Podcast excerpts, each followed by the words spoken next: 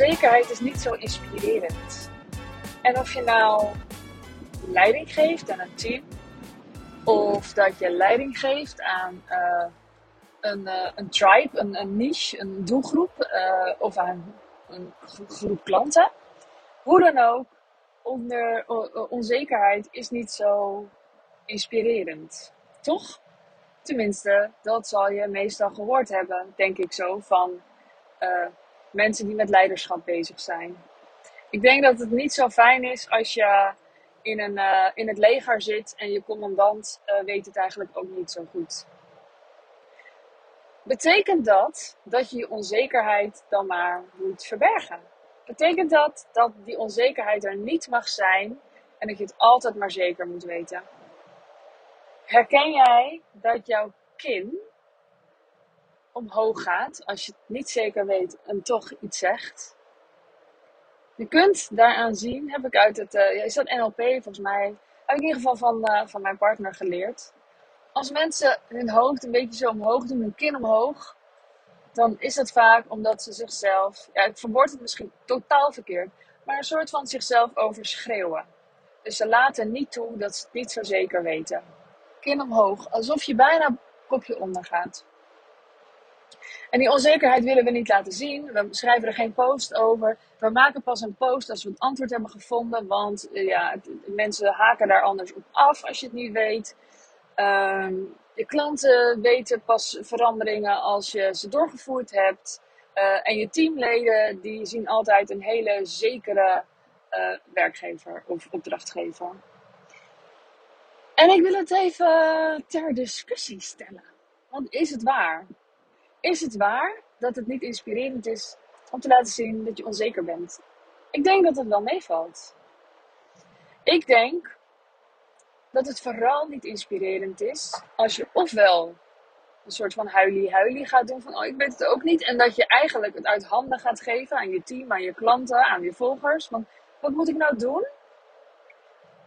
Dat is, dat is niet inspirerend. Sterker nog, voor je eigen, sowieso voor je klanten en voor je eigen team, um, is het ook onveilig. Het is onveilig als jij van je plaats afgaat als leider en de ander maar laat beslissen. En dan te zeggen, ik weet het allemaal niet, oh wat is het leven toch moeilijk? En ik denk dat het ook niet inspirerend is als je maar geen keus maakt. Als je maar gewoon in blijft hangen, want je weet het niet. Maar, daarentegen, daar komt hij. Ik denk dat het wel inspirerend is als je vertelt: Ik weet het ook niet zo goed. Ik weet niet wat het goede antwoord is. Ik weet niet wat ik nu moet doen. Maar ik doe wel iets. Ik kies nu voor optie uh, geen idee. Ik kies nu even. Ik ga dit doen. En ik weet niet of dit de uitkomst is die we allemaal willen, maar ik ga het wel doen. Kan je het voelen? Dat is toch inspirerend? Überhaupt het bevrijdende daarvan. Dat je dus meegeeft aan anderen dat ze eerlijk mogen zijn daarover. Maar ook dat je handelt, ook al weet je de uitkomst niet. Het is als de vrije val. Toevallig, dat is de titel van mijn editorial van de eerste Wilde Vrouw magazine. Um, het is als een vrije val soms. Maar juist het benoemen kan voor jezelf fijn zijn. Het kan ook precies zijn wat je nodig hebt om het even te benoemen. Maar het is ook mooi om voor te leven, toch? Dat je altijd zuiver en eerlijk mag zijn. En dat je niet een stukje van jezelf verstopt. Het is niet zo aantrekkelijk als je altijd maar perfect bent, altijd het goede antwoord weet. Dat gaat ergens knagen. Het gaat knagen bij je klanten, bij je volgers. Het gaat knagen um, bij jezelf, omdat het niet klopt, omdat het niet helemaal authentiek jij is. Dus als je ergens onzeker over bent, wil ik je uitnodigen. Deel het, maar maak wel een keuze. En, en zeg ook gewoon: Ik weet niet of dit de goede keuze is, maar ik wil een keuze maken, dus ik maak er een. Nou, ik hoop dat jij hier iets mee kunt. En als je voor zo'n keuze staat, als je voor zo'n onzekerheid staat, geef ik je bij deze kans om hem aan mij voor te leggen um, via Instagram. Door mij een DM'tje te sturen, een pb'tje te sturen, een privébericht te sturen. Uh, niet dat ik je dan het antwoord ga geven. Maar leg hem eens bij mij neer. Niet zo van hier, dit is hem, ik moet iets kiezen. Maar vertel het aan mij. Waar ben je onzeker over nu? Waar twijfel je over of tussen? Dat is het verschil toch tussen twijfelachtig en wijfelen. Twijfelen en wijfelen, dat is toch ene kies je tussen twee dingen en het andere weet je het überhaupt niet. Ik weet niet, zoiets had ik een keer bij Nederlands geleerd op de HAVO.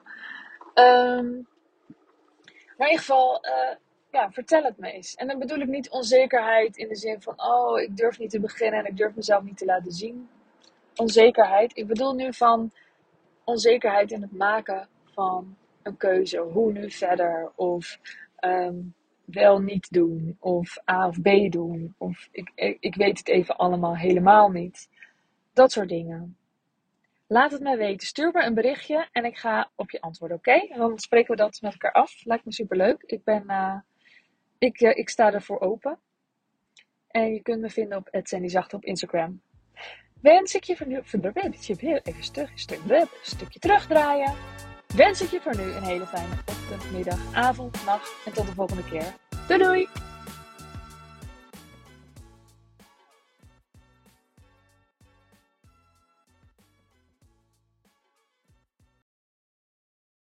Wil jij bouwen aan 10 keer meer eigenaarschap over je leven?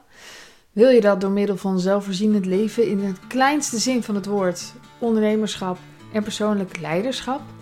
Kom dan bij Community Leven in Vrijheid, waarin een hele groep wilde mensen is die hier ook mee bezig zijn, die dit ook willen en die heel graag met je willen uitwisselen over moestuinieren, over grootse plannen, over hun eigen bedrijf opbouwen, over allerlei aspecten die allemaal samen zorgen voor een, een leven buiten de logge systemen. Ga naar wildemens.nl als je erbij wilt.